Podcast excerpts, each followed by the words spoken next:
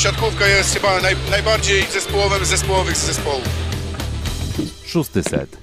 Mm, siatkówka jest najbardziej zespołowym z zespołowych zespołów, a my jesteśmy najlepszym zespołem do opowiedzenia Wam o tym, co wydarzyło się w drugiej kolejce Plus Ligi. E, dzisiaj w składzie Piotr ze studia w Warszawie. Ze studia w Rzeszowie Filip Korfanty. I ze studia w Gdańsku Kuba. Więc jesteśmy we trójkę, rozproszeni po Polsce. Takie te czasy covidowe, że to rozproszenie już stało się trochę naszą codziennością, ale, e, ale no do tego musimy przywyknąć i tak to po prostu musi wyglądać. A zresztą Filip i tak jest w Rzeszowie i tak tam nikt do niego nie przyjeżdża, albo on sporadycznie przyjedzie do Warszawy i wtedy mamy okazję porozmawiać już e, twarzą w twarz. E, druga kolejka plus ligi. W trakcie pierwszej kolejki mówiliśmy bardzo dużo o naszych przewidywaniach, typach, jakieś wyciąganie wniosków, natomiast wszędzie na każdym etapie pierwszego odcinka zaznaczaliśmy, że e, to jest dopiero pierwsza kolejka i w zasadzie nie możemy mówić tutaj o żadnych definitywnych takich wnioskach, konkluzywnych, takich, które na pewno musiałyby spisać się w kolejce drugiej. No i jako zaobserwujemy szereg zawodników, występów drużynowych też, to sporo drużyn falowało, sporo zawodników falowało. Um, no i właśnie dlatego stąd też ten tytuł naszego nagrania dzisiejszego, falowanie i spadanie, no bo tego falowania i spadania, jak to e, Kora śpiewała, mm, było po prostu bardzo dużo e, i takiego właśnie indywidualnego i zespołowego. Drużyną, która nie mogła zafalować, bo dopiero od tej drugiej kolejki rozpoczynała, rozpoczyna swoją rywalizację w Plus Lidze, była Aseko Rysowia Rzeszów. Um, mecz z Jastrzębskim Węglem, mecz absolutnie hitowy i od niego warto byłoby chyba rozpocząć to nasze nagranie właśnie o tej kolejce, która już nam upłynęła e, wieczorową porą w poniedziałek. Um, no i właśnie, Filip, no to jako nie kryjesz się z tym, że jesteś sympatykiem Rzeszowa, no to jakie wrażenia po porażce 0 do 3 w stylu chyba jednak nie budzącym zbyt dużo optymizmu? No to jeśli popatrzymy na to, co działo się po stronie rzeszowskiej, no to wrażenia tylko jak najgorsze, ale to tak jak powiedziałeś, jest dopiero początek sezonu. Także jeszcze bym niczym tutaj nie przesądzał. Nie wiem, Andrea Gardini z Pecenzu stracił pracę, ale nie sądzę, żeby to miało stać się z Alberto Giulianim. E, sądzę po prostu, że to jest jeszcze materiał dużo do pracy. Ja z Resowiana trafiła na świetnie grający zespół Jastrzębskiego Węgla i tak grający Jastrzębie myślę, że byłoby to nie, nie do ugryzienia przez wiele, wiele różnych zespołów, ale oczywiście możemy tutaj rozłożyć ten mecz na kilka poszczególnych mankamentów w Resowi. Mi się wydaje, że to przede wszystkim było przyjęcie zagrywki. Mm, Kuba, mm, co ty sądzisz? Czy, y, czy, czy, czy ty spodziewałeś się więcej? Czy to Jastrzębie było tak mocne, czy Resowia tak słaba? Bo to jest, y, to, to jest chyba pytanie, które warto sobie zadać z tego miejsca. Ja bym powiedział, że chyba obydwie twoje tezy są prawdziwe. Dziwiła mnie decyzja trenera Giulianiego w wyjściowej szóstce się śmialiśmy, że gracze wygraj plus ligę trochę byli zasmuceni takim, a innym e, wyborem. E, no bo niepotrzebnie chyba Nikolas Szerszeń zaczął na ławce. Wydawało się, że on będzie takim no, punktem głównym gdzieś, że ta dwójka Cebul Szerszeń będzie grała. Fakt, że tak wygląda dobrze w sparingach, natomiast jednak, jak dobrze pamiętam, to mecz super, super pucharzy w półfinale zaczynał Szerszeń. Stąd to dziwiło. A z Jastrzębskim, Jastrzębski myślę, dobrze dobrał taktykę Luke Reynolds, bo Luaty niewidziany w pierwszym meczu zagrał bardzo dobrze i, i, i wspomógł to przyjęcie. Natomiast to jak rośnie Fornal, to e, z meczu na mecz on rośnie i, i, na razie chyba te, zresztą pewnie o tym powiemy sobie na końcu, ale w dwóch kolejkach wygląda po prostu najrówniej i, i e, a z drugiej strony Al Haddadi też się odbudował, więc y, no, Resowia wyglądała na mega spiętą i ta gra od początku im nie siedziała. Zobaczymy, jak będzie z Katowicami, natomiast wtedy, kończąc jakby moją wypowiedź, to i Jastrzębie zagrało tak dobrze, a Resowia tak słabo, to taka duża dysproporcja. Tak, no i zastanawiałem się też nad tym, e, jak będzie, mm, jak będzie wyglądać e, gra Resowi. Ja byłem osobiście zaskoczony tym wyborem zestawienia personalnego. E, bo, bo, bo, bo na to też w sumie słusznie uwagę zwrócił, zwrócili komentatorzy, że no jeżeli masz dwóch środkowych z zagranicy, no to wtedy na przyjęciu no musi grać Nikolas Szerszeń, no a akurat e, zestawienie środkowych e, Królicki i Dżendryk. I w sumie, wiecie, to tak kurczę dziwnie wygląda, no bo ten Królicki nie grał w zeszłym sezonie jakoś wybitnie, okay, może i okres przygotowawczy całkiem niezły, natomiast no nagle mm, tracisz możliwość, nie wiem, chociaż wypróbowania e, tamemy na środku, wychodzisz z Królickim i Dżendrykiem, a potem Królicki i Dżendryk bezlitośnie są ogrywani przez kampę, bo, bo, bo jakby postawa środkowych rysowi na bloku była, była tragiczna i to zestawienie mnie zaskoczyło, tak samo jak i Potera z Mariańskim. Dużo się mówiło o tym, że dobrze wygląda to, jak oni rotowali i na przykład w Superpucharze w Superpucharze wyglądało to solidnie i wydaje się, że całkiem nieźle się uzupełniali, a Mariański jeszcze dodatkowo dał takiego zęba drużynie. Mm, Tutaj Potera zagrał no, praktycznie, no, chyba nie wiem, czy Mariański w ogóle wszedł na jakąkolwiek akcję? E, Mariański w ogóle się mm, nie pojawił na boisku, a Pottera właśnie grał trochę też w ogóle poniżej moich oczekiwań.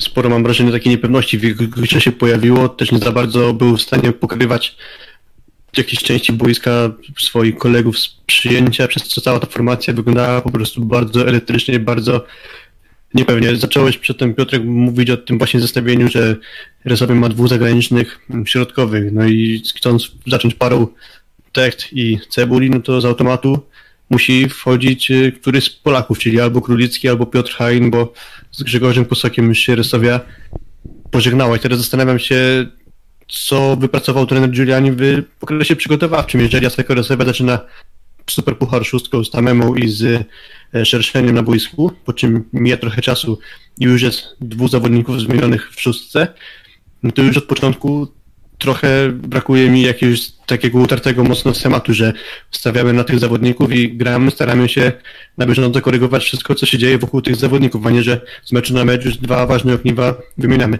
No, zwłaszcza, że no Bartłomiej Królicki chociaż skutecznie, że ataku zanotował dobrą, no to mam wrażenie, że był w ogóle nie był pilnowany przez środkowych rywala i niespecjalnie ściągał właśnie ich y, uwagę, a bloku nie za bardzo zabłysnął, zagrywce też dosyć słabo to wyglądało, więc ogólnie bym powiedział, że słaby występ tego zawodnika.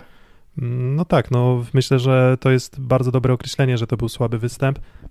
No i też mówię, zaskakujący. No Królicki to nie jest zawodnik na ambicje Resowi, moim zdaniem. W sensie może się mylę, może to może być ciekawe uzupełnienie, natomiast no jeżeli no cały, cały sezon mają grać z układem Królicki, Dżendryk na środku, to to chyba, chyba nie pofrunie. Natomiast no to są takie... Jest jeszcze Piotr Hain w odwodzie, ale nie wiadomo, czy już jest pełni sprawny, chociaż w sparringach już się pokazywał na boisku, więc być może to jest kwestia czasu, aż zacznie grać Piotr Hain, a wydaje mi się, że to jest jednak zawodnik, który dysponuje po prostu, krótko mówiąc, z większym potencjałem aniżeli Bartek Królicki. No właśnie, no ale to są takie postaci drugoplanowe. Trochę tak się skoncentrujemy na Rysowi, no bo to temat i medialny, no i też jednak e, duże oczekiwania były przed tym meczem, e, jeżeli chodzi o drużynę z Podkarpacia. Karol Butryn i Klemen Czebul. Też dwie postaci, o których się mówiło, że one e, powinny dać jakość na skrzydłach, a ja miałem, mm, miałem takie poczucie, że i to trochę, trochę mnie to zaskoczyło, bo, bo jednak spodziewałem się, że nawet z gorszego przyjęcia, bo o tym, że przy Resowia przyjęcie miało fatalne, no to, to trzeba zaznaczyć na samym początku, o tym już wszyscy powiedzieli. Natomiast coś, co mnie zaskoczyło, ja spodziewałem się, że i Butryn, i Czebul będą radzić sobie lepiej z, na wysokiej piłce, I o ile jeszcze Słoweniec miał takie momenty, w których on tymi swoimi, on ma taki charakterystyczny atak, że tam bardzo wysoko nie ściąga piłki, tylko bardzo mocno wybijają po bloku. Kilka razy udawało się skutecznie ataki zakończyć. Był taki moment, w którym to wyglądało przyzwoicie, no ale Butryn wyglądał słabo, a potem z każdym momentem gasł też e, Słoweniec, e, niewyraźny techt i teraz właśnie Kuba, to teraz, teraz może też odbijając piłeczkę do ciebie. Czy Resowia ma po prostu za słabe skrzydła, żeby utrzymać skuteczność z wysokiej piłki, czy to był po prostu, nie wiem, jakiś niebywale, niebywały spektakl Jastrzębskiego Węgla w relacji blok-obrona? Yy, no Szerszeń wszedł i, i, miał efektywność na poziomie 56%, także jego zmiana myślę, że w miarę na plus. Yy, mówimy sobie, że siłą przygotowania drużyny jest forma na zagrywce i widać, że ona wyglądała dużo lepiej w Jastrzębiu, a z drugiej strony no świetny mecz środkowych, no bo i Jurek Gładyr i Łukasz Wiśniewski po cztery wybloki, e, oboje też po dwa bodajże tam bloki punktowe, więc e, widać było na tej siatce, tam nie chcę wchodzić rzeczywiście w statystyki, ale nawet wizualnie widać było, że czytają bardzo dobrze Fabiana Drzyzgę. I teraz mm, Fabian jest znany, wiadomo było jak będzie prawdopodobnie grał, bo też Sparinga grał dosyć podobnie te e, akcje na wysokich piłkach, stąd tutaj wydaje mi się, że przy braku zagrożenia środkiem, to co powiedział Filip, do małym zagrożeniu środkiem, no to y, oni po prostu tematycznie szli do skrzydeł, dostawiali równy blok, a pamiętajmy, że Forma ma bardzo dobry blok. E, Luati jest technicznie też zawodnikiem niezłym, więc wydaje mi się, że ten blok, jeżeli chodzi o samo ustawienie pozycji, dobrze stawiał. I to pozwoliło po prostu dochodzić równośrodkowym i sporo tych wybloków, bo jednak aż 15 wybloków, tak, e, miał zespół z Jastrzębia, no to dało aż szans na 15 kontra, a oni na tej kontrze grali bardzo dobrze, więc e, blok obrona na plus ogromny dla Jastrzębia i myślę, że to pozytywne zaskoczenie po tym, jak się prezentowali mocno w kratkę w zawierciu. No i też względnie mocno byli wystawiani na próbę właśnie ci skrzydłowi Resowi, bo tego grania na wysokiej piłce w trudnych sytuacjach było po prostu bardzo dużo. To po, wystarczy popatrzeć na statystykę, gdzie po negatywnym przyjęciu Jastrzębie w całym meczu atakowało 9 razy, a Resowia 29 razy, czyli jak łatwo policzyć 20 piłek więcej do ataku po negatywnym przyjęciu miała Resowia, ktoś te piłki musiał kończyć. Ja w ogóle miałem wrażenie, że trochę podobnie jak w meczu z Zaksu. Rysowia grała dobrze w pierwszym secie i nawet ten atak po złym przyjęciu był nieźle, nie, nieźle bilansował to złe przyjęcie i mimo, że tych piłek było tam mnóstwo, to względnie dobrze sobie Rysowia radziła. Potem drugim i trzecim secie już zaczęło tego brakować i Jastrzębie tylko zaczął dominować ten mecz. Myślę, że może, mogłoby być trochę inaczej, gdyby nie to, że w szóstce zaczął Robert Tekt, który wyglądał po prostu źle we wszystkich elementach a sądzę, że Nikolas Szerszeń to może być taki zawodnik, który lepiej, lepiej w ogóle będzie wchodził w mecz, gdy zacznie go już na parkiecie w szóstce samego początku, a nie wchodząc z ławki. Moim zdaniem nie popisał się trener Giuliani, że nie zaczął to paru, ale może po prostu mu brakuje jeszcze kilku meczów na przetestowanie odpowiedniego ustawienia i wyciągnie pewne wnioski, ale obstawiam, że na dłuższym dystansie będzie grał szerszym właśnie z Cebuliem.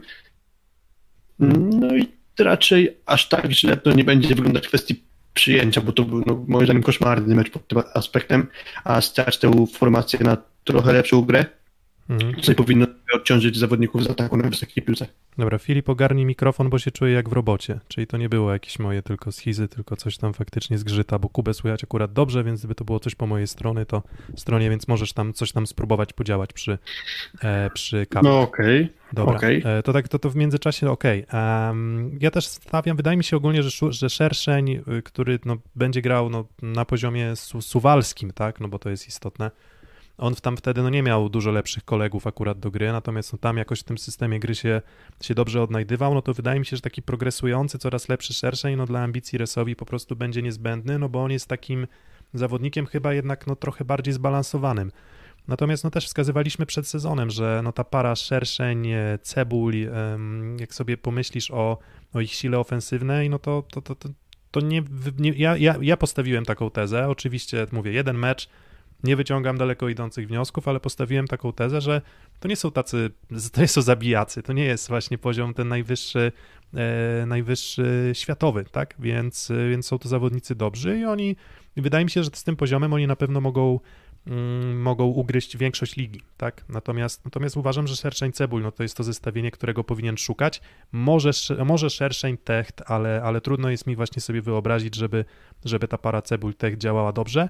No i jeszcze w kontekście przyjęcia mm, jedno rozczarowanie, czyli jednak Michał Potera, tak? Najlepiej przyjmujący libero poprzedniego sezonu. I on w zeszłym sezonie miał w parze, no kto tam był? Mm, Sosenheimer, tak? I, tak. i, i, Soba, Sobański. i Sobański, tak? Czy, to, czy, czy Sosenheimer to jeszcze to przyjęcie miał bardzo solidne, czy Sobański to jest też jakiś wymiatacz? No nie wydaje mi się tak, więc, więc no jak, jak, co się wydarzyło, co się stało, że aż tak się popsuło? Trudno mi, trudno mi wskazać tutaj jedną przyczynę. Znaczy ja mam dwie teorie. Pierwsza teoria jest taka, że Michał Potera nie wydaje mi się takim libero najbardziej mobilnym, czyli on głównie przyjmuje dobrze, jeśli piłka leci głównie w jego strefie. Jeśli masz już trochę ruszyć, to mi się wydaje, że może jego jakość przyjęcia sporo spada. To jest pierwsza sprawa. Druga sprawa to jest taka, że miałem wrażenie, że dużo krzywdy robi Jastrzębie Resowi celując w okolice pierwszej strefy. Być może akurat to ustawienie wydaje się w przypadku Resowi niezbyt jeszcze dopracowane, te piłki lecące akurat tam i jeszcze są do dopracowania, czyli ustawienie, komunikacja i tak dalej, może tu trochę jeszcze będzie jakieś pole do poprawy. Nawiasem słychać mnie coś lepiej? E, cały czas, cały czas troszeczkę trzeszczysz, czy, czy jest lepiej, to nie wiem. W ogóle ty, Kuba, słyszysz to trzeszczenie Filipa, czy to może... Słyszę trzeszczenie, a Dobra. myślę, że będę słyszał jeszcze więcej trzeszczenia w Rzeszowie, jeżeli w piątek nie wygrają z Katowicami, no bo... bo myślę, że to jest taki bardzo newralgiczny moment już tak szybko, bo myślę, że wszyscy się strasznie boją powtórki sprzed roku. I sprzed, sprzed dwóch lat też. Że jeżeli gramy z zespołem, nie ma kolejnego zespołu z czołówki, tylko mamy zespół środka, który jak już widzimy prezentuje się bardzo solidnie Katowice i dla Resowi to jest strasznie ważny mecz psychologicznie, żeby te demony nie wróciły, to oni muszą po prostu w Szopienicach w piątek wygrać. Ym, Bo grałem w Szopienicach, tak dobrze mi się wydaje, czy nie, grałem na- w Rzeszowie, żeby e, tylko tak, tak, tak, tutaj... tak, tak, w Szopienicach, dokładnie. No Przez- właśnie, przez- więc to jest szalenie istotny mecz, żeby nie trzeszczało i żeby to się zaczęło normować, bo, bo będzie powtórka kolejnego roku i wiem, że zawodnicy są bardziej doświadczeni. No nie, zawodnicy są inni, czy są bardziej doświadczeni, są podobnie doświadczeni, ale myślę, że te demony, żeby odpędzić to, to wygrana jest po prostu potrzebna jak, jak, jak, yy, jak woda na pustyni.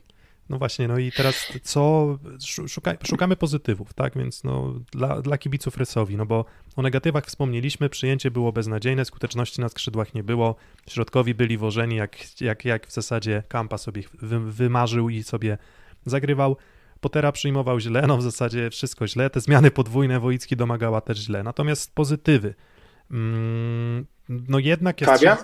Jednak Jastrzębski, to znaczy tak, ja zacznę od pierwszego, że moim zdaniem Jastrzębski Węgiel zagrał genialne spotkanie. Oni byli kompletni w tym meczu. Tak jak zawierciem nie byli, tak teraz w tym meczu byli absolutnie kompletni. Zawsze jest tak, że grasz tak, jak pozwala ci przeciwnik, no ale na Jastrzębski Węgiel, na, na specjalnie dużo Resowi po prostu w tym meczu nie, e, nie pozwolił. No i Jastrzębski Węgiel w zeszłym sezonie był najlepiej zagrywającą drużyną ligi, więc, e, więc w zasadzie lekkie korekty w składzie i wydaje się, że cały czas ta jakość zagrywki została utrzymana.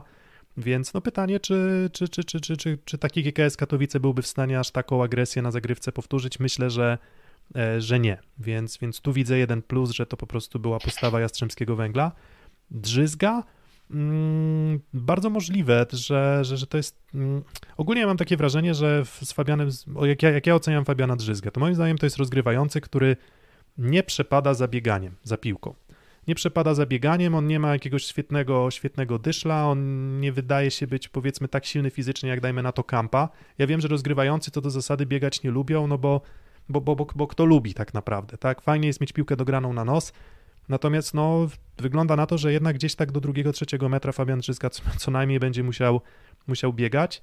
Mm, No i nie wiem, czy to jest rozgrywający, który akurat przy problemach z przyjęciem da sobie radę, natomiast no, on musi progresować. No, on musi być, e, musi być coraz lepszy i musi być coraz lepiej zgrany. I nawet w reprezentacji Polski było tak, że on miał takie momenty, nie wiem, przed dużymi imprezami. Jak ja patrzyłem na to, co on potrafił grać do lewego skrzydła, no to ja się łapałem za głowę. To było złe, po prostu. Więc tutaj to też nie było zbyt dobre, więc czas będzie działał na jego korzyść. Jakieś kolejne plusy? Ja myślę, że też oprócz tego, co wy powiedzieliście, to jego współpraca ze środkowymi może być znacznie lepsza, zwłaszcza z Jędrykiem, który ma dużo, dużo potencjału w tym aspekcie. Może akurat nie z Królickim, ale, ale z Jędry- Jędrykiem na pewno, bo on jest bardzo elastycznym zawodnikiem i potrafi dużo i, i tu sądzę, że jest pole do poprawy. Nie wiem, czy to jest... Okej, no na pewno jest to jakiś tam mały pozytyw całej tej sytuacji, że okej, jeśli Bartosz Mariański nie będzie wchodził do obrony, jeżeli cały mecz będzie grał Pottera i w obronie i przyjęciu, no to pomysł jest taki, żeby Bartosza Mariańskiego przebrać w koszulkę zawodnika, tak to nazwę w cudzysłowie, normalnego. No i będziemy mogli włączyć y, Bartosza Mariańskiego do drugiej linii na jakieś pojedyncze zmiany na poprawę przyjęcia. Mm, No i właśnie, więc tych kilka pozytywów na pewno jest, plus no GKS, ale ciężar gatunkowy duży. Tutaj bardzo mi się podoba to, to określenie, że parzy koszulka. No i parzy ta koszulka, Kuba?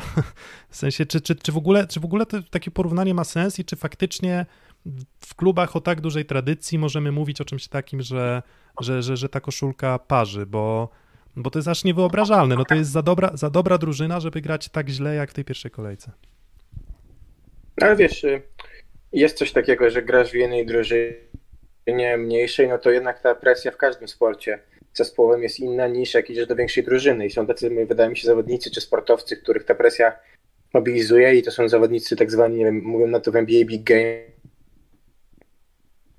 a są tacy, którzy wyglądają w zespołach mniej medialnych i nie wiem, na ile Michał Potera jest takim zawodnikiem, bo on poza Będzinem, tak pamiętam, tak, mieliśmy w jego przygodzie Olsztyn, tak, i Warszawę.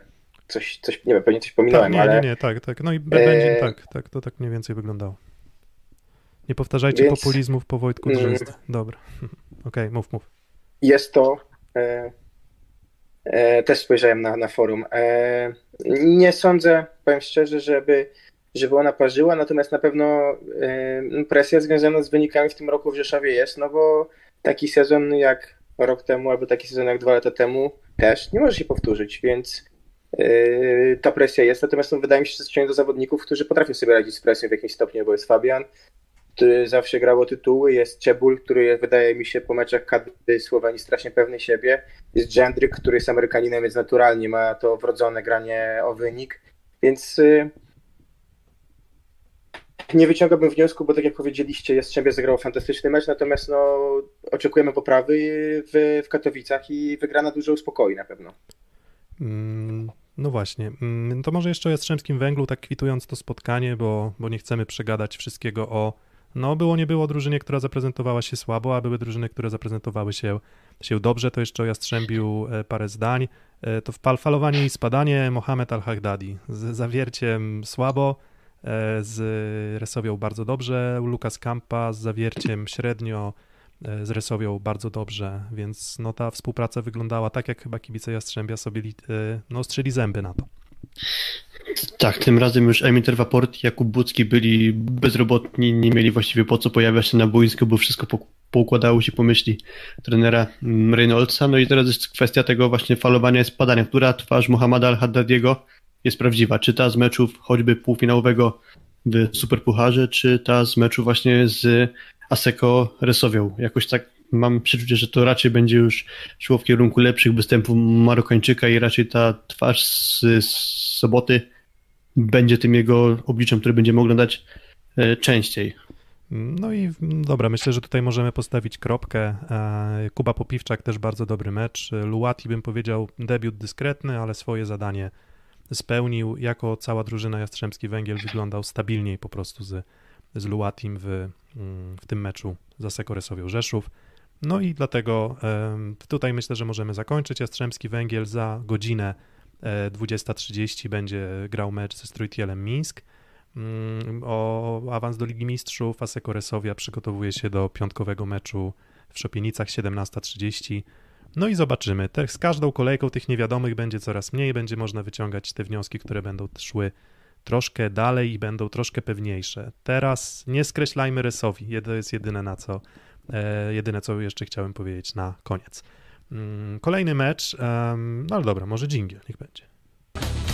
Szósty set. E, Kolejny mecz. PGS Krabełchatów kontra Aluron CMC Warta Zawiercie. Zawsze jeszcze cały czas muszę się na chwileczkę zatrzymać. Drugi mecz hitowy. Mm, Tak jak w tym meczu w Jastrzębiu zagrała drużyna czwarta z drużyną 13, y, czwarta z drużyną 13 poprzedniego sezonu, więc można powiedzieć, że Resowia rzucała wyzwanie Jastrzębiu, tak teraz Zawiercie rzuciło wyzwanie PGS Krzebełchatów, no bo skra trzecia, trzecie miejsce w poprzednim sezonie Zawiercie skończyło na miejscu dziesiątym. Mm, No i to był mecz bardzo dobry i też mecz y, równy, tak? I też zaskakującym rezultatem, bo tak jak stawialiśmy, my stawialiśmy na Resowie, tak? mm, W meczu w Bełchatowie już liczyliśmy, że Zawiercie jest w stanie te punkty urwać. No i oni nie tylko urwali, a wyjeżdżają w sumie z, z kompletem. Niespodzianka, czy może jednak realny stan sportowy w obu drużyn na ten moment? Jak dla mnie na razie PGS Krabełchatów jeszcze nie gra na miarę swojego potencjału, już nawet wyłączając to, że nie ma tam Taylora Sandera, no to nawet jeszcze Badipur w parze z Katiciem to też jeszcze nie wygląda tak, jak może wyglądać. Wydaje się, że taką sercem tej drużyny jest Milad Badipur, który mimo, że teoretycznie wygląda dobrze, to mam wrażenie, że on jest bardzo wrażliwy jeszcze w przyjęciu i przez pewien okres tego meczu w ogóle miałem wrażenie, że tylko celujcie w Badipura i, i będzie dobrze. Y, o- oczywiście on nie przyjmował wszystkich piłek, ale tam głównie szło w Katicie, ale mam wrażenie, że Ebadipur jeszcze nie jest w najlepszej formie i cała skra też na pewno będzie wyglądać jeszcze lepiej, już nawet faktycznie jak w końcu, o ile wróci Sander, no to wtedy może być też zupełnie inny zespół, a Zawiercie po prostu grało świetnie, miało Mateusza Malinowskiego, tylko że mimo, że Skra mogła grać y, lepiej, to ja nie uważam, że Skra w tym meczu grała słabo, bo też twardo się postawiła, zresztą nawet popatrz, popatrzmy na wynik, gdzie tam każdy set rozbił się o dwa małe punkty. Kuba? Jesteś z nami, Kuba? Tutaj pełna zgoda, przepraszam, miałem wyciszony mikrofon. E, Tutaj pełna zgoda z Filipem, e, bo ten mecz mógł potoczyć się w obie strony tak naprawdę, no bo Mateusz Malinowski te asy serwisowe puszczał w końcówkach i to też zasługuje na ogromne uznanie.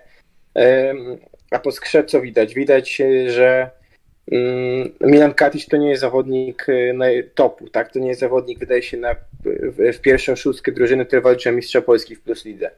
Mm, I to absolutnie widać. E, widać, że Petkowicz jest zawodnikiem, który na szybkich piłkach gra dobrze, na tych wysokich on no to nie jest, rozmawialiśmy o tym tydzień temu, to nie jest Mariusz Wlazły z Prime'u i widać też to, że y, mało cieszy siatkówka y, drużyny z Bełchatowa, mam takie wrażenie, a, a Zawiercie przyjechało naładowane i ta gra ich po prostu nakręcała i też myślę, że y, dość szybko się wyklarła dobra współpraca między Kawanną a Malinowskim i to mega procentuje i też ten mecz pokazał, jak ogromną rolę będzie pełnił Gareth Mugotutia, tak jak to jest zawodnik to, jak on e, grał w, w fazie blokobrona jako obrońca, szczególnie w szóstej strefie, ile piłek stamtąd zgarniał, takich, które w innych drużynach prawdopodobnie kończyłyby się po prostu wybiciem po bloku, to wzbudzało mój ogromny szacunek. I widać, że to jest zawodnik, który parametry defensywne niesamowicie na plus zmieni w drużynie zawiercia. A też ciekawa decyzja o De Dominiku Depolskim, który no, mało punktów zdobył, ale punktował w ważnych momentach, więc no, no Skolakowicza w tym meczu akurat nie zawiódł. I widać, że chyba te na razie to, co rozmawialiśmy, że ta 14 i te rotacje wyglądają na plus. Tak naprawdę nie ma na razie poza. Znaczy są dwa zawody w zawierciu, bo Halaba nic nie gra, Flavia jak gra, no to się nie spotyka z Kawaną. Natomiast y, na razie to wygląda fantastycznie i szacunek tutaj dla zawiercia za taką wygraną, bo ich nakręci na pewno. Mm, no dokładnie. Mm, jeżeli chodzi o Dominika Depowskiego, no tak, to trochę zaskakujące, no bo Znowu, gdybyśmy mieli odwoływać się do statystyk, to, to, to by wyszło na to, że to nie był jakiś olśniewający mecz, no ale z jakiegoś powodu mm, Kolakowicz na niego postawił, no i z jakiegoś powodu zawiercie w tym składzie personalnym było w stanie, mm, było w stanie skrę ograć i no i to, to, co do tego nie ma w ogóle żadnych wątpliwości, to jest, to jest fakt. W PG Skrzebeł Chatów jeszcze, mm, jeszcze mam takie wrażenie, że nie wiem do końca, to okej, no bo to jest tak, że tam była dyskusja na temat tego, czy Kawanna jest dobry, czy jest zły. No moim zdaniem, jak, jak z takiego przyjęcia jest w stanie taką skuteczność swoim zawodnikom pomóc osiągać, to, to, to trudno jest go oceniać negatywnie. No i właśnie w kontekście skry mm, w zeszłym sezonie tak zwróciłem uwagę, że skrano ofensywnie, no to tak, środkiem to skuteczność już, to, to się to też w pierwszej kolejce pojawiło, że Łomacz dużo gra środkiem, więc poprawia tym skuteczność, a potem są skrzydła. No i od Petkowicza i od Ebadipura nie można było oczekiwać chyba w tym meczu dużo więcej. Od Pokaticzu się nie spodziewałem, więc wydaje mi się, że to jest po prostu, po prostu jego poziom. Mm, natomiast no, z Ebadipurem ponoć też było tak, że on w nieciekawym stanie fizycznym przyjechał po, po, po lockdownie. Tak, że, że on nie wyglądał źle, natomiast może Filip to jest właśnie tutaj przyczyna tego, co, co mówiłeś, że on trochę taki właśnie jeszcze delikatnie przygaszony, mm, że, że, że on po prostu musiał mocno, i to mocno pracować, żeby dojść do, e, dojść do formy e, fizycznej. Mm, więc e, kto wie, no może, może tutaj jeszcze jakieś rezerwy widzę, tak, że Badipur będzie jeszcze lepszy i będzie takim liderem pełną gębą, no ale bez Sandera, moim zdaniem, to jest taki, taki potencjał po prostu PGS Skry Bełchatów, że ten mecz mógł się skończyć równie dobrze 3-0 dla Skry, 3-1, tutaj w zasadzie dowolny wynik. To były dwie bardzo równe drużyny, takie jest moje zdanie. No i taki jest poziom właśnie chyba PGS Skry Bełchatów, że jeżeli zawiercie po tych dwóch meczach zaliczamy tak ciutkę wyżej, tak powiedzmy koło miejsca piątego i szóstego, no to Skra po prostu, czy, czy może wyżej nawet, czy może nawet czwartego, no to jeżeli zawiercie zaliczamy do ścisłej czołówki, no to, to, to, to taki jest potencjał PGS Krybełchatów na tu i teraz i nie wiem, co, co miałoby się bardzo poprawić bez Sandera w, w ich grze. Ja myślę, że może też trochę mogliby lepiej sterwować, ale to już okej, okay, to może też czasem przyjdzie, ale, ale tu na pewno dało się więcej wycisnąć, biorąc pod uwagę, jak słabo zawiercie przyjmowało w pierwszym meczu ze Strzemskim Węglem. Tu wyglądało to trochę lepiej, ale też mimo, że może w statystykach to źle nie wyglądało, to Kawanna nie miał jakoś wiele okazji, żeby uruchamiać środkowych. Mam wrażenie, że to jest trochę na razie słaby punkt zawiercia, czyli atak ze środka. No a jeśli masz skrzydłowych, którzy grają na dobrym poziomie i masz Malinowskiego, który gra na poziomie wręcz doskonałym, no to szkoda byłoby z tego mm, nie korzystać. W sumie tym mogł tutaj ja, bo Kuba powiedział, że dobry w aspektach defensywnych, ale zauważmy, że on był w ogóle drugim punktującym zawiercia w tym meczu, więc mimo tego, że on głównie rzucał się w oczy w zadaniach gdzieś tam z drugiej linii, no i tak sporo potrafił kończyć i potem patrzyłem jeszcze na rozkład y, ataku, no to on nawet w końcówkach potrafił punktować. Gdzieś tam, jak już y, obie drużyny przekraczały 20 punkt, to też y, Kawanna go nie unikał, nie, nie unikał w ataku. I Amerykanie tam potrafiły taki kończyć i chyba nawet piłkę meczową skończył właśnie Mogu Tutia, a dwa wcześniejsze sety wygrane przez Zawiercie skończył a sami Mateusz Malinowski. Też warte podkreślenia, że te wyniki na styku, po czym wchodzi Marina na zagrywkę i No i Skra ma ciężko. Tak. Ale Malinowski 22 zagrywki, tylko dwa błędy, trzy asy. No to jest, jak popatrzymy potem na Mariusza Wezłego zagrywki, no to lekka różnica. Natomiast e, fenomenalna forma Mateusza Malinowskiego i widać, że to, to że Kawana jest lewo... Ja mam taką tezę, że Kawana jest leworęczny, to dobrze musi grać do atakującego leworęcznego. To, to taka trochę śmieszna teza, ale Znaczy, to, Widać też po Kawanie, że on jest mega dokładny jak biega nawet i to jest chyba coś, co jest dużym plusem, bo przy tym przyjęciu, które właściwie w zawierciu na razie nie jest najlepsze, no to, to jego dokładność e, przy piłkach no, na siódmym wzbudza szacunek. mm, no tak, no, Zwróciłbym uwagę na jeszcze jedną rzecz. Asekore sobie ma mocno przebudowaną linię przyjęcia, w ogóle mocno przebudowany zespół, zawiercie podobnie, a mimo mniej więcej podobnego czasu na przygotowanie, to zawiercie wygląda na zgoła inny zespół, jeśli chodzi o takie funkcjonowanie zespołowe, aniżeli Asekore Sowia. I też y, ciekawie wygląda to w kontekście porównania choćby z Treplem Gdańsk, do którego później pewnie dojdziemy, bo też ciężko zrzucić winę, że Resowia miała jakąś tam przerwę w, w grze, skoro Gdańsk przerwę też miała, wyglądał na tyle Radomia doskonale wręcz. Mm, No dokładnie. No i właśnie jeszcze o Kawanie od Kuba. E, Ty mówisz o tym lewa, lewa ręka do lewego skrzydła, znaczy do lewego ataku, leworęczny rozgrywający do leworęcznego atakującego. Nie wiem, ale wiem, że Kawana na pewno dobrze, e, dobrze się czuje w rozegraniu na skrzydło prawe, takich szybkie, szybkie płaskie piłki Mm, i, i wygląda to dobrze. No i mówię, no Kawana ma też coś takiego, co, co, co, co, co dla mnie jest w ogóle też takim, no powiedzmy takim dodatkowym elementem magii. E, On potrafi zagrać niekonwencjonalnie, on potrafi z, z piłek trudnych zrobić coś, co da po prostu ciutkę, ciutkę ułatwi w tych kluczowych momentach e, skończenie ataku swoim zawodnikom. Mm, Tego może odrobinę zabrakło w niektórych momentach, przynajmniej u Grzegorza Łomacza, bo, e, bo ta, mm, ta, ta gra z gry wyglądała dobrze też, dopóki to było granie takie na, na, na, piłkach szybkich. E, No i bardzo długo było to granie na piłkach szybkich, no a w pewnym momencie w pewnym momencie coś tam się popsuło.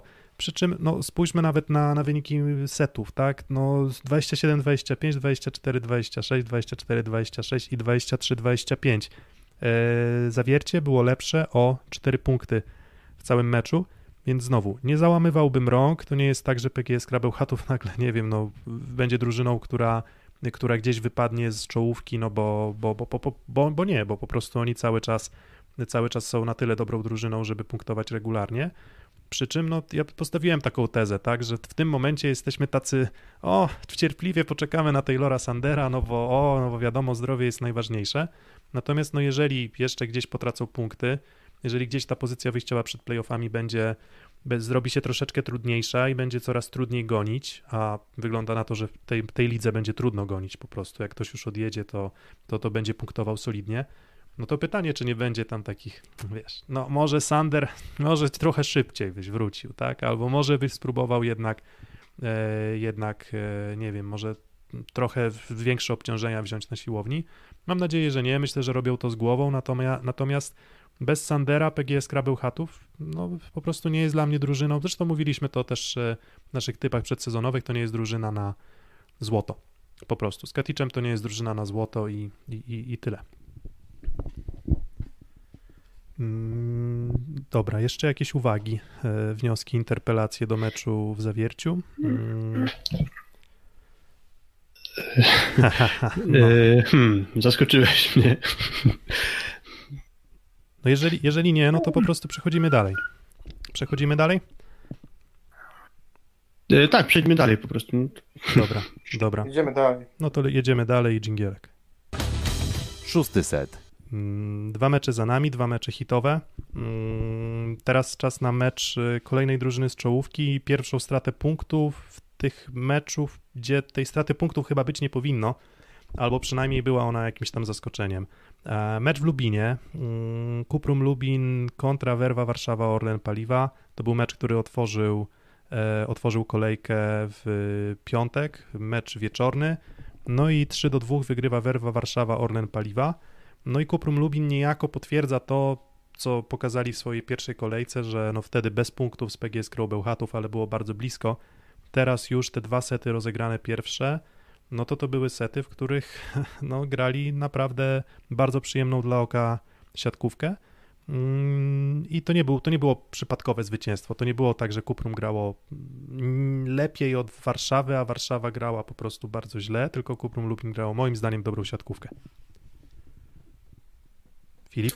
Kuba, co sądzisz? Aha, okej, no to skoro ja, to, to już zacznę od tego, że było 2 do 0 dla Kuprum, po czym jednak w końcu przyszedł tiebreak, bo Warszawa trochę grę swoją poprawiła, ale w tym tiebreaku było 11 do 9 dla Kuprum, więc to już było tak całkiem niedaleko od tego, właściwie 4 małoczka, żeby tu Lubinianie sprawili niespodziankę. Mm, Tam mi wytykaliście na Twitterze, że jako jedyny postawiłem 3 do 1 na wygraną Kuprum. Wy typowaliście wygraną Warszawę, ja w sumie tego typu nie żałuję, bo uważam, że ten miał taki przebieg, że było zasadne postawienie właśnie na, na Lubinian i, i, i jakoś tam mam małą satysfakcję, że w tiebreaku było 11 do 9 w Warszawie. E, wykryłem. Ale tak do, do meritum, no to wydaje mi się, że trochę zabrakło z biegiem tego meczu Ronalda Jimeneza, który po bardzo dobrych dwóch setach trochę ze swoją mm, grą y, zjechał i nawet w tej breaku miał tyle piłek, że gdyby chociaż połowę tych piłek skończył, to pewnie Warszawa by się nie podniosła i po pięciu partiach cieszyliby się Lubinianie właśnie. Mm, Kuba?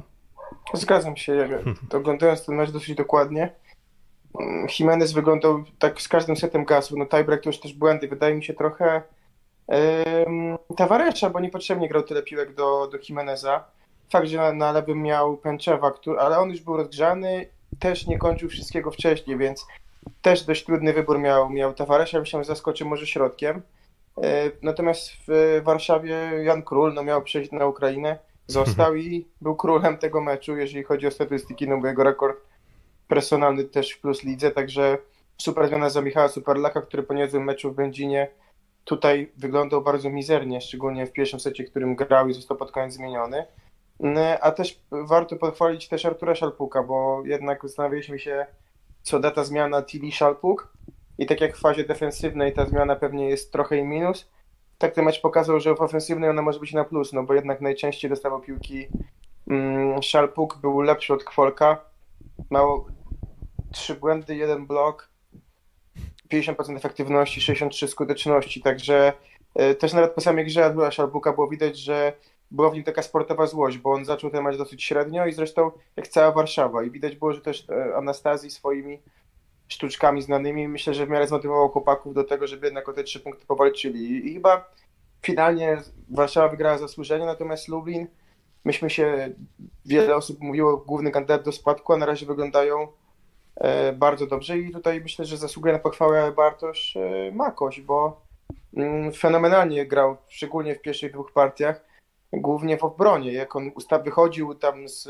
do trzeciej strefy, brał na siebie dużo strzałów po skosie Kwolka czy, czy Szalpuka, e, też brał sporo z tych piłek, które były gdzieś tam po wybloku, więc e, dla mnie to pozytywne zaskoczenie na razie początku sezonu, bo spodziewałem się, że będzie grał Kamil Szymura, gra Bartosz Makoś, no i w tym meczu wyglądał z mojej perspektywy bardzo dobrze, jeżeli chodzi o obronę i nieźle, jeżeli chodzi o przyjęcie.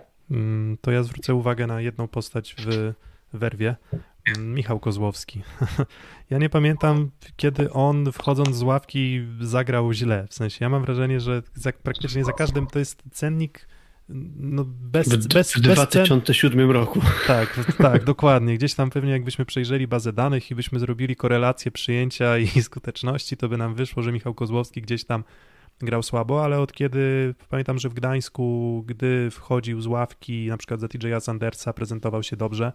Teraz w Warszawie znowu, no Angel Trinidad de Aro, on jeszcze, no w ten pierwszy mecz był przyzwoity, ten drugi mecz już, już po prostu mu nie szedł tak dobrze, jak, jak mógłby. No i wspomnieliście o Janie Królu, natomiast no te piłki Janowi Królowi właśnie już od, y, od gdzieś tam drugiego seta y, właśnie dawał Michał Kozłowski. I no i myślę, że to tak jak wspominaliśmy o tych zmiennikach, tak, że mm, jakby wiadomo, że jeżeli chodzi o taki średnią postawę, to, to zawodnicy prezentują moim zdaniem jakiś tam określony swój poziom, tak? On może się wahać, to może być mecz świetny, może być mecz trochę gorszy i tak dalej. Im lepszym jesteś zawodnikiem, tym wahasz się mniej.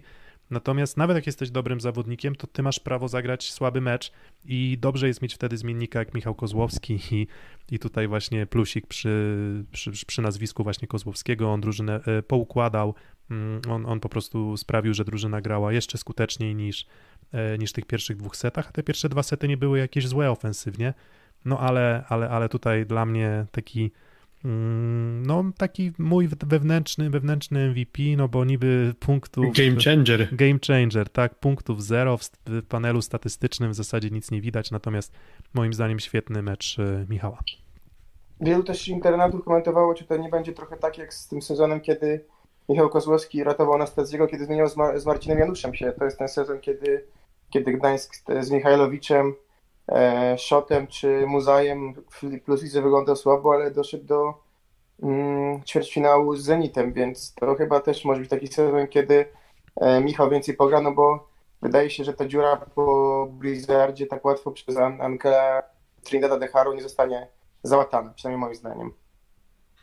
Mm, Pojawił się komentarz, że Trinidad na dystansie sezonu będzie przeciętnym sypaczem, to nie jest Blizzard, ale poprawcie mnie, jeśli się mylę. Mi się wydaje, że początki Blizzarda były dosyć przeciętne, co najwyżej. Mi się wydaje, że on z czasem trochę był w stanie nawet przyspieszyć trochę grę.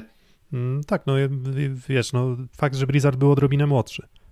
Więc, Mm, tak, więc, to więc, to, więc tu, jest, tu jest pytanie, czy, czy to jest tak, że mm, Hiszpan jest już ukształtowany i on po prostu będzie grał na jakimś konkretnym poziomie, czy on jeszcze ma cały czas rezerwy, no bo no bo no nie grał, nie grał w jakichś tam przypadkowych klubach w Europie, też trzeba tak powiedzieć. Mm, Natomiast no nie wiem, no on już ma ile tam 26 czy 26 czy 27 lat. Mm, Więc Możliwe, że nawet rok więcej, chyba 28, ale nigdy w metryczce nie byłem dobry. Ale Dokładnie, trochę dokładnie. więcej. E, Więc, więc tutaj pytanie, czy on może stawać się jeszcze dużo lepszy. Mm, No, a że to nie jest klasa Blizzarda, no to chyba 27. 27. No to gdzieś, gdzieś wiesz, krakowskim targiem, gdzieś po środku wychodzi 27.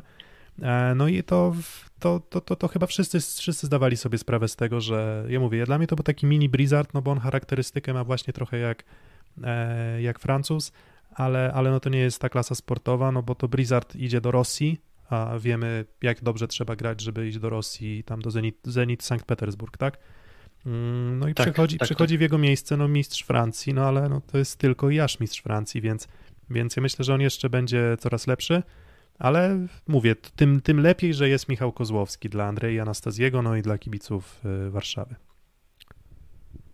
W tym meczu się okazało, że właśnie dobrze, że jest jeszcze, tym lepiej, że jest jeszcze Jan Król, który no, doskonałą zmianę akurat dał i całe szczęście, że mm, całe szczęście dla drużyny z Warszawy, pewnie nie dla Ukrainy, że granice są pozamykane, że ciężko o wizę dla Polaków tam, no i Jan Król, można powiedzieć, że uratował mm, Warszawę przed porażką. Y, W ogóle, nie wiem, trochę odbijając w stronę Lubina, ja mam wrażenie, że to jest taka trochę gorsza wersja Zaksy. To jest prototyp drużyny Zaksy Kuprum Lubin. W sensie dobrze poukładany zespół, gdzieś te akcje się zazębiają. Ale, której, E, ale której się Zaksy? da, to Strzelce Opolskie czy Skędzierzyna Koźla?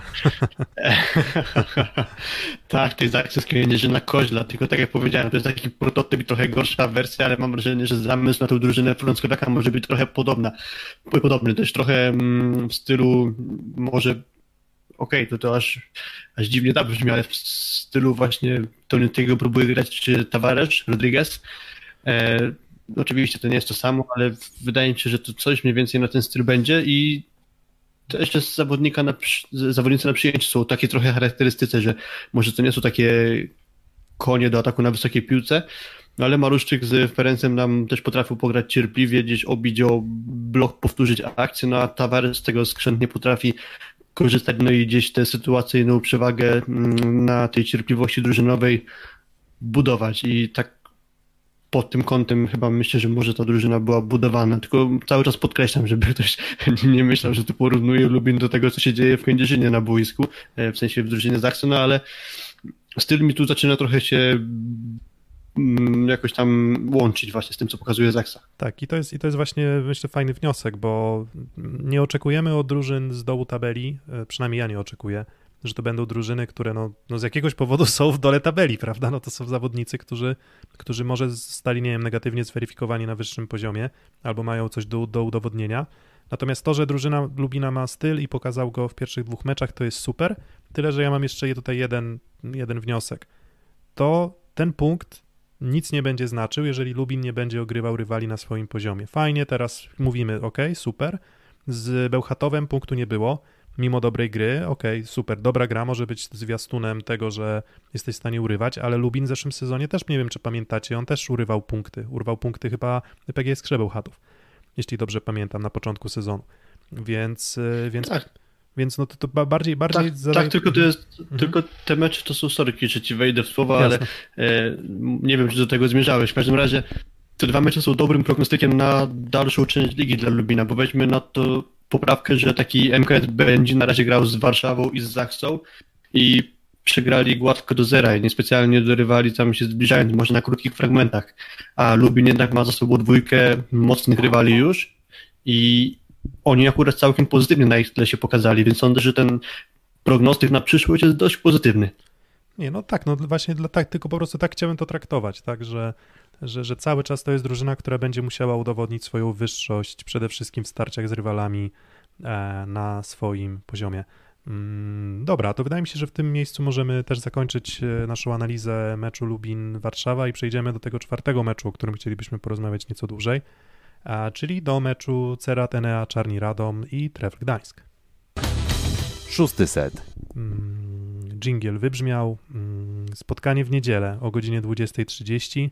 Mm, Trefl Gdańsk e, rzekomo podrażniony tym, że Czarni i Radom nie chcieli przełożyć spotkania e, na kolejny tydzień. E, Uznali, że jeszcze cały czas są wyrwani z, z przygotowań, cały czas czują, że mają coś do nadrobienia w warstwie czy fizycznej, czy, czy, czy, czy, czy po prostu czysto sportowej zgrania drużyny.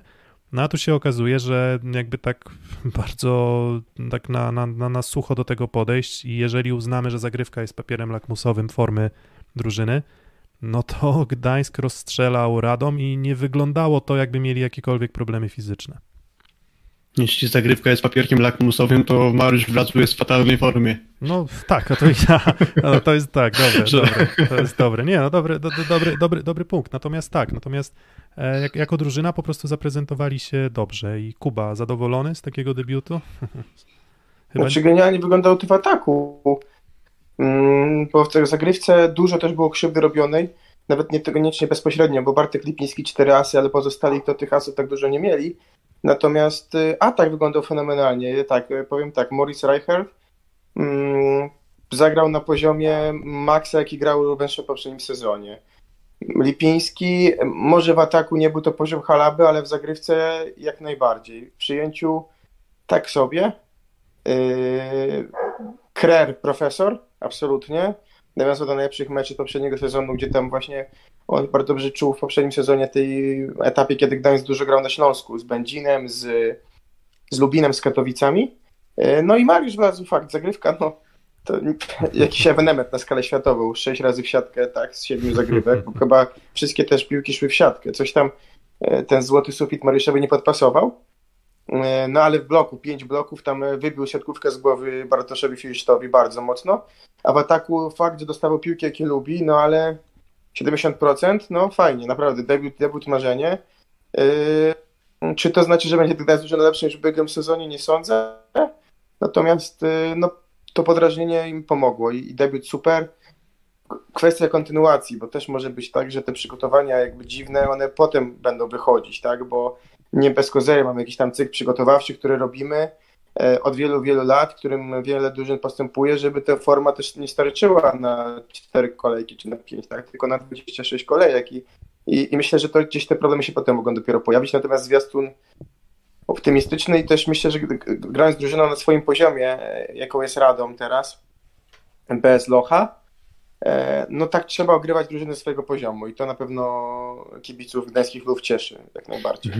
Ja sobie zażartowałem przedtem właśnie z tej z zagrywki Mariusza Wrazowego, ale Piotrek oczywiście się z tobą zgadzam, że tutaj akurat no, Gdańsk wyglądał na drużynę świetnie dysponowaną i w zagrywce akurat to duża rola właśnie w pierwszym secie, gdzie Radom prowadził już 10 do 7, a dobre serie zagrywek i Krera i Bartłomieja Lipińskiego pozwoliły tego seta odwrócić na korzyść właśnie Gdańska i chyba Lipiński na początku drugiej partii miał już na swoim koncie trzy asy serwisowe. E, w ogóle to bardzo dobry mecz tego zawodnika. Może to nie jest charakterystyka Halaby, ale, ale sądzę, że to będzie ważne ogniwo. Zresztą Reichert, mam wrażenie, że w ogóle mam wrażenie, że dużo bardziej widoczny w tym meczu był Lipiński aniżeli Reichert, a potem jak popatrzymy na to, co zanotował Reicher, no to to jest 10 punktów, tylko jedno oczko mniej niż miał mm, Lipiński, więc też pozytywnie trzeba Niemca ocenić. Ja w ogóle mam wrażenie, że całą odpowiedzialność w cudzysłowie, e, czy też zasługę za poziom gry w ataku Gdańska ma Marcin Janusz, który uważam, że doskonale rozdzierał piłki i to w dużej mierze jego właśnie zasługa, że, że Gdańsk ten mecz wygrał. Tak, czarni też potrafili się odgryźć zagrywką. To nie było tak, że, że, że, że oni nie, nie, nie, byli w stanie presji też wywrzeć. No ale cóż, no tutaj też, no znowu, gdybyśmy się mieli podeprzeć statystykami, to mówię, znaczy to bardziej chodzi po prostu o podparcie tezy w tym, tym konkretnym przypadku. No to z bardzo nieciekawego przyjęcia Janusz y, po prostu rozgrywał na tyle szybko, na tyle sprawnie, że mm, no i też, na, też bardzo ciekawe, bardzo ciekawe kontry, no bo co, no bo niby 7%, 7% perfekcyjnego przyjęcia, a nagle się okazuje w sumie, że, że Krer na przykład otrzymuje 10 piłek w meczu, tak, trzysetowym. Czyli kroił, kroił, szył, starał się po prostu wykorzystywać do bólu, do bólu możliwości na kontrze i z tego przyjęcia y, bardzo dobrego. Mm, natomiast muszę przemycić jeden wątek olsztyński. Co o formie sportowej Olsztyna? Mówi to, że oni przegrali z Radomiem, które tak bezlitośnie zostało grany przez przez Gdańsk. Czy to na przykład słaba postawa Firszta to jest kwestia jakiś tam jego powiedzmy juniorski, jego wahania jeszcze, czy po prostu Gdańsk skorzystał też z tego, że już ten jeden mecz Firszt zagrał i łatwiej było na przykład rozgryźć go, jeśli chodzi o kierunki ataku? Ja tak uważam, Mhm. też nie grał dobrze Michał Kędzierski, bo czytany był strasznie, e, a jeżeli chodzi o Marcina Janusza, to taką tezę postawię trochę żartobliwą, że ten jego post od siatkówki, bo ta kwarantanna 40-dniowa, no bardzo mu pomógł, bo widać było, że był strasznie wygłodniały gry i mm, no i, ten, i, i grał rewelacyjnie. E, Nie, nie, nie, nie wiem, czy wiesz, sens ma porównywanie takiej drużyn na przestrzeni tego, że grali z podobnym rywalem, bo, bo poza Konarskim, no to każdy zagrał w Radomiu jest dużo, dużo gorzej i teraz czy to świadczy o tym, że oni będą tak wahać na początku sezonu? Myślę, że tak, że gdzieś mm, tak jak Firsz zagrał, no to przeciwieństwo trochę Alha- Al- Al-Hardadiego, tak, że pierwszy mecz świetny, bo tam miał bodajże, nie wiem, 60% w ataku i wizualnie wyglądał super. No tutaj on był sześć razy blokowany. No mówię, Mariusz Wlazły to sobie urządził na niego rzeź po prostu, bo tam ściana ze ścianą stawała. Szczególnie ten trzeci set, tu się przykro patrzyło, E, bo też myślę, że szybko też Radon stracił wiarę po prostu, bo tak jak w pierwszym secie to wyglądało nieźle, ta końcówka, a w drugim szybko Gdańsk się złamał, a w trzecim jeszcze szybciej. Tak naprawdę już ten trzeci set był na dogranie, więc e, też ten mecz dla mnie pokazuje jedną rzecz, że jeżeli Sander nie będzie miał dobrego meczu, no to sam Dawid Konarski tego nie pociągnie, bo też nie ma takiej charakterystyki przecież zawodnika pociągowego. Może w Bydgoszczy taką miał, ale od tego czasu to jest zawodnik, który też dobrze się czuje w drużynach zbilansowanych, więc Mhm. Mm, nie wiem, co to się mówi o grze Olsztyna.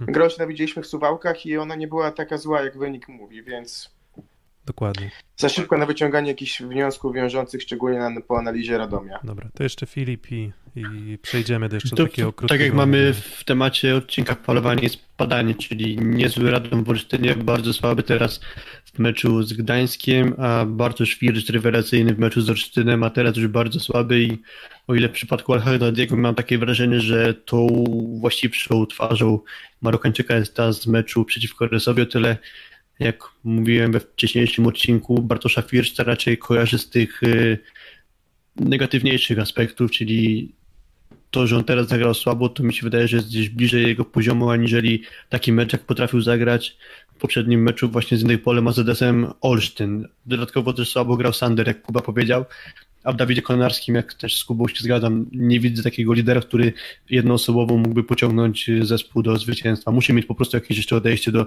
drugiego skrzydła. Michał Kędzierski generalnie grał słabo, a w ogóle koledzy mu nie, nie ułatwiali zadania. Nie potrafił sobie wykreować takiego zawodnika, który gdzieś obok Konarskiego kończyłby ataki. Siłą rzeczy to skończyło się właściwie knockoutem, pogromem radomskiej drużyny. Skończyło się w trzecim secie 25 do 11, ale tam mogli z 10 nie wyjść, bo piłkę meczową Gdańsk miał do 9. Mm, Nie ma ławki Radom po prostu w tym momencie. I to nie jest tak, w sensie, w sensie jeszcze brakuje Lukasa Locha, nie wiadomo jak długo to potrwa. gra, gra się rozsypała już zupełnie, a w trzecim secie w zasadzie wszedł Pasiński na chwilę Mm, i, i tyle, i tyle. No to, to, to, to, to, to, to też o czym świadczy, tak, że, że z jakiegoś powodu, nie wiem, no może, to, może trochę chciał to potraktować jako taki team building. Na zasadzie, ok, wygrywamy razem, przegrywamy razem, musicie coś zrobić, żeby, mm, żeby swoją grę odbudować, mówi Robert Prygiel do swoich zawodników, kto wie. Natomiast no mnie to zaskoczyło, no bo już jak jesteś naprawdę, jak już masz 10 punktów straty do rywala, no to szukasz, tak? Masz gąsiora, może spróbuję, tak? Może drugi rozgrywający, może nie wiem, Ostrowski czy Grzechnik dostaną szansę. No nie dostawali tych szansy i to mnie też trochę, troszeczkę, troszeczkę zaskoczyło tutaj. No i cóż, no falowanie i spadanie, Konarski dobry mecz, teraz zły. Z, pozy- z pozytywów zagrywka Dawida Dry i w pierwszym i drugim meczu Dawid dobrze wygląda w tym aspekcie, także jeśli chcemy też nie tylko samych negatywach, to myślę, że zagrywka właśnie Dry zasługuje na uwagę. Tak, no i cała zagrywka Radomia nie wyglądała aż tak źle, no bo udało się trochę pogonić e, trefl, no ale, ale Janusz to jakoś, jakoś udało mu się temu zapobiec. Mm, Okej, dobra, no to tyle o tym. To są cztery spotkania, o których chcieliśmy powiedzieć więcej.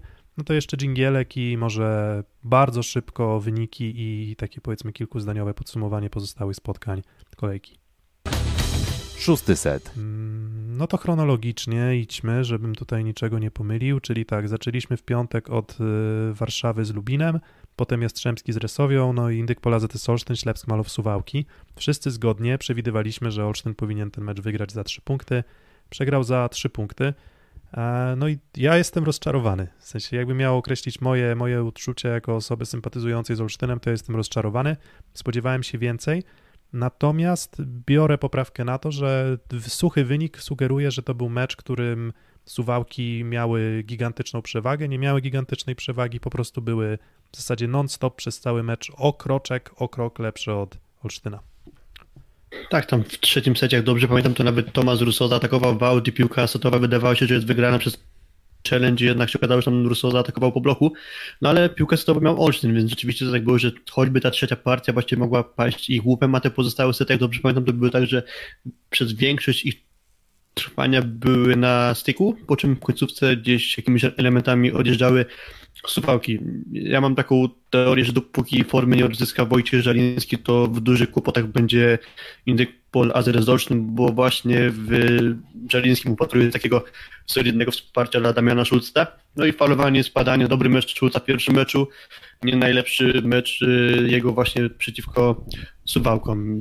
Było duże wsparcie w postaci Enringi w pierwszym meczu, teraz Enringa w ogóle zaczął mecz na ławce, gdy wchodził to nic specjalnego od siebie po prostu nie dodawał. Dzi- Dziwne decyzje, dziwna decyzja trenera. Jakoś tak nie, nie, nie, nie, nieintuicyjna, nie wiem, nie wiem dlaczego. Jakieś powody na pewno ku temu, że akurat Szot Żelińskim grał, musiał, e, musiał mieć, tak? No ale Wojtek Żeliński zagrał beznadziejnie z Radomiem, to teraz zagrał słabo. A nie mówię, nie, nieco lepiej, ale cały czas słabo i przed sezonem też wspominaliśmy i w sumie, nie wiem, e, tutaj bym może domknął temat tego meczu. Szulc i Żaliński, ty mówiłeś o Żalińskim, dodajmy Szulca, to są osoby, które muszą czyścić trudne sytuacje w, w Olsztynie.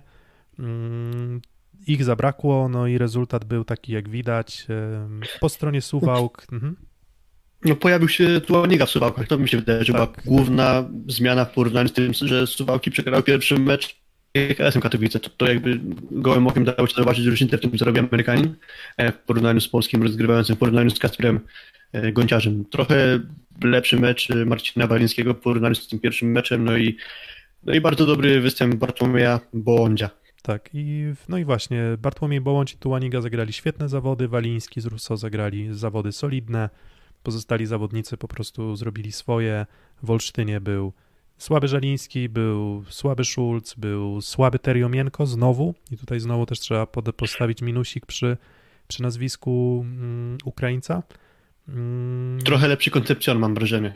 Mm, tak, koncept, tak. To, to, jest, to jest w zasadzie jedyny taki większy pozytyw y, w grze Indyk Polu AZS-u Olsztyn. Poza tym, że udało się utrzymać przyjęcie, to też Koncepcjon pokazał, że, że, że, że w zasadzie może ośmieszać środkowych i innych drużyn ligowych. Tak? Jeżeli jest skoncentrowany, jeżeli idzie, idzie, idzie powiedzmy z pełną mocą, to, to, to bardzo trudno jest go zatrzymać. Tam w trakcie, w trakcie meczu tam padło stwierdzenie łomacz Lisinac, nie powiedziałbym, że aż tak bardzo, ale, ale generalnie chodzi o podobny zamysł, czyli że pojedynczy blok może mu skakać, a on i tak to obróci, ściągnie e, w dobrym kierunku. Natomiast na bloku cały czas Olsztyn jest rozczarowujący. Stream. Odnośnie Nysy, ty Piotrek powiedziałeś, że pierwsze punkty Nysy i po tych dwóch pierwszych partiach w ogóle tego, co pokazywały Katowice, to ja miałem wrażenie, że to będzie komplet punktów w ogóle. Stal Nysa wygra mm, tutaj trzy. A dlaczego tak myślałem? Katowice w dwóch pierwszych partiach w ogóle nie były sobą. Ja się gdzieś tam śmiałem, że Katowice nie zarejestrowały zmiany sezonu i grały tak samo dokładnie jak w poprzednim sezonie, to mówię po pierwszej kolejce, a po tych dwóch setach w ogóle nie miałem takiego wrażenia, że oni nawiązują do swojego stylu gry. To doskonale pokazywał Kamil Kwasowski, który próbował gdzieś grać o blok, to mu się nie udawało, dużo bezpośrednich błędów, dużo ataków wał, dużo razy dawał się zablokować. Mm, Słabo grał Adrian Buchowski, po czym po tych dwóch partiach z czasem Katowice się odradzały i już gdy była końcówka meczu, no to już było z powrotem to, do czego nas przyzwyczaili, czyli cierpliwość, wykorzystywanie bloku rywala, jakaś mądrość w ataku. No i przeciwko temu już Nysa się nie była w stanie postawić. Też pewnie jakiś wpływ na to miała ta kontuzja Zbigniewa Bartmana. Mówię kontuzja, bo on na boisko wrócił, ale też mam wrażenie, że trochę się jednak ta podkręcona kostka na jego dyspozycji trochę odbiła. No dokładnie. Mm, Kuba, jeszcze jakieś kilka zdań o, o meczu Katowice-Nysa, czy zamykamy dyskusję i przechodzimy do siódemki? Siódemka kolejki, bo To czas na po, po siódemkę. prawdzie wczoraj byłem w pociągu, więc Dobra, super. trochę No to, tylko na, na, na Dobra. UPC Go, ale dobra, to, siód, przejdźmy do siódemki. to, siód, to siódemeczka kolejki. Szósty set. No i cóż, no my już mamy przygotowaną grafikę z naszą siódemką kolejki i zaczniemy od tej drugiej.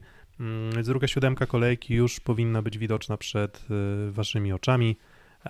Jakub Jarosz, Marcin Janusz, Kamil Semeniuk, y, Kamil Kwasowski, Miłosz Zniszczą, Juri Gładry i Damian Wojtaszek. Mm, Jakieś uzasadnienie krótkie? No o Januszu wspominaliśmy, że, że, że wspaniale poprowadził grę Gdańska.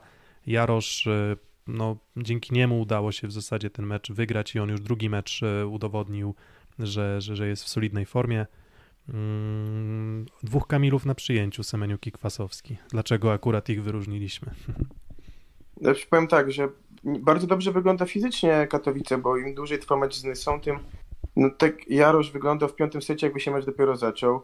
Kwasowski się bardzo odbudował. Tutaj, jeżeli chodzi o Jarosza, to tylko tutaj, żeby nie być e, też osobą, która zabiera innych tezy, to to jest teza Filipa, żeby nie było.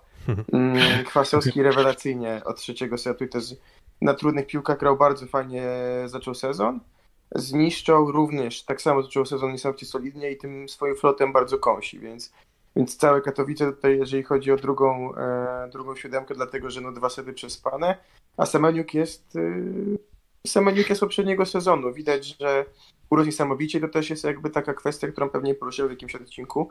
Bogactwo na przyjęciu nasze jest tak niesamowite, że Semeniuk, który jest no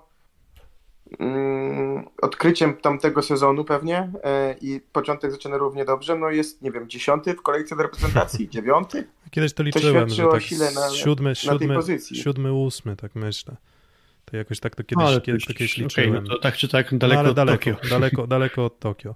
E, Juri Gładyr to... No bardzo daleko w ogóle od, powiedziałbym, że daleko od Ligi Światowej w ogóle, czy tam, więc, yy, więc, e, więc dlatego No Janusz cieszyć. na 40 dni postu pomogło mu. Wojtaszek trzymał w Warszawie przyjęcie.